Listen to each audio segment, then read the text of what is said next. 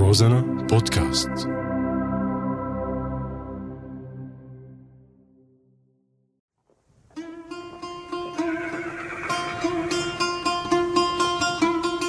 عوالم وأعلام. يأتيكم معي أنا صهيب أحمد.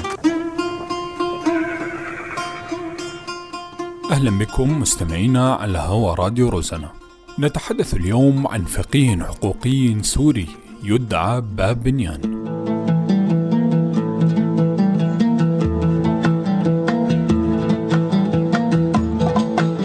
أمام دار العدل في روما ترى تمثالا شامخا للفقيه الحقوقي بابنيان.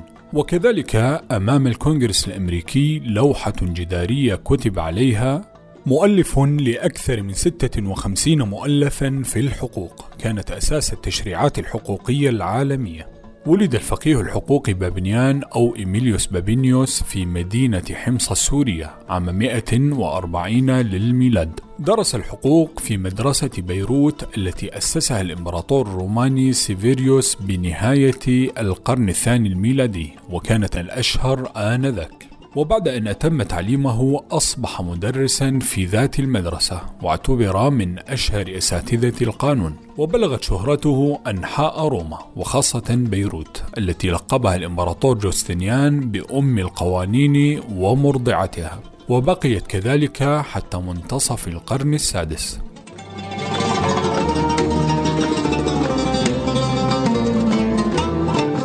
يعتبر بابنيان من أشهر الفقهاء الحقوقيين على مر العصور وهذا ما دفع بكاتب الروماني الأبرز جوفينال للاعتراف بفضل السوريين على روما وإنجازاتهم في مجال الحقوق والتشريع.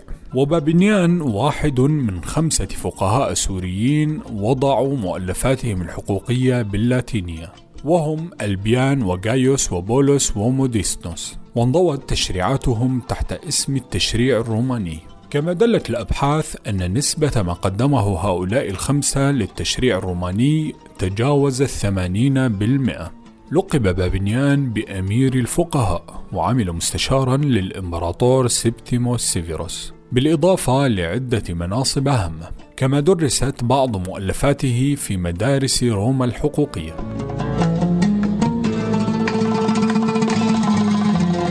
ألف بابنيان أكثر من 56 مرجعا في الحقوق منها 19 مؤلفا في المناقشات القانونية و37 في المسائل القانونية.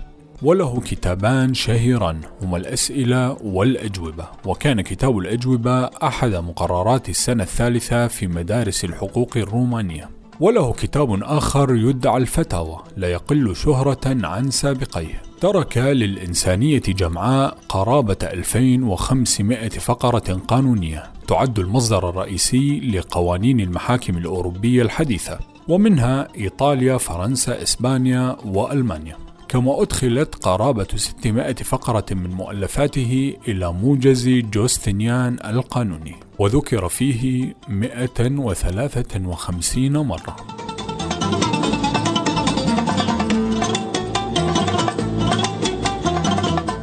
تكمن أهمية تشريعات بابنيان وزملائه بكونها غيرت مفهوم القضاء الذي ساد روما آنذاك وحولته من قانون بدائي متحجر إلى قانون إنساني مبني على الأخلاق والحكمة ونبذ الانتقام.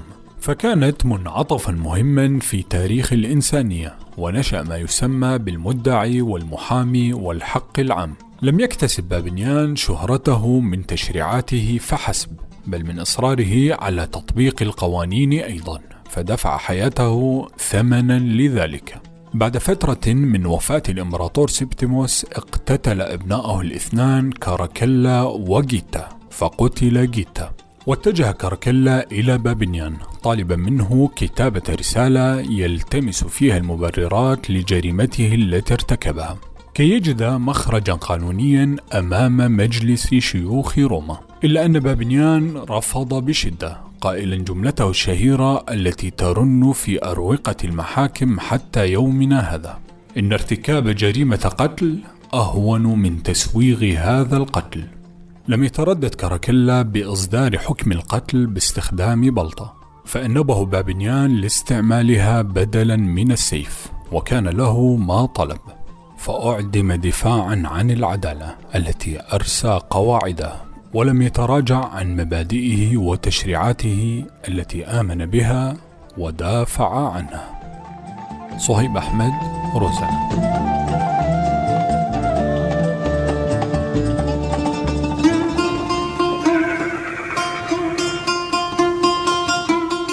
عوالم وأعلام.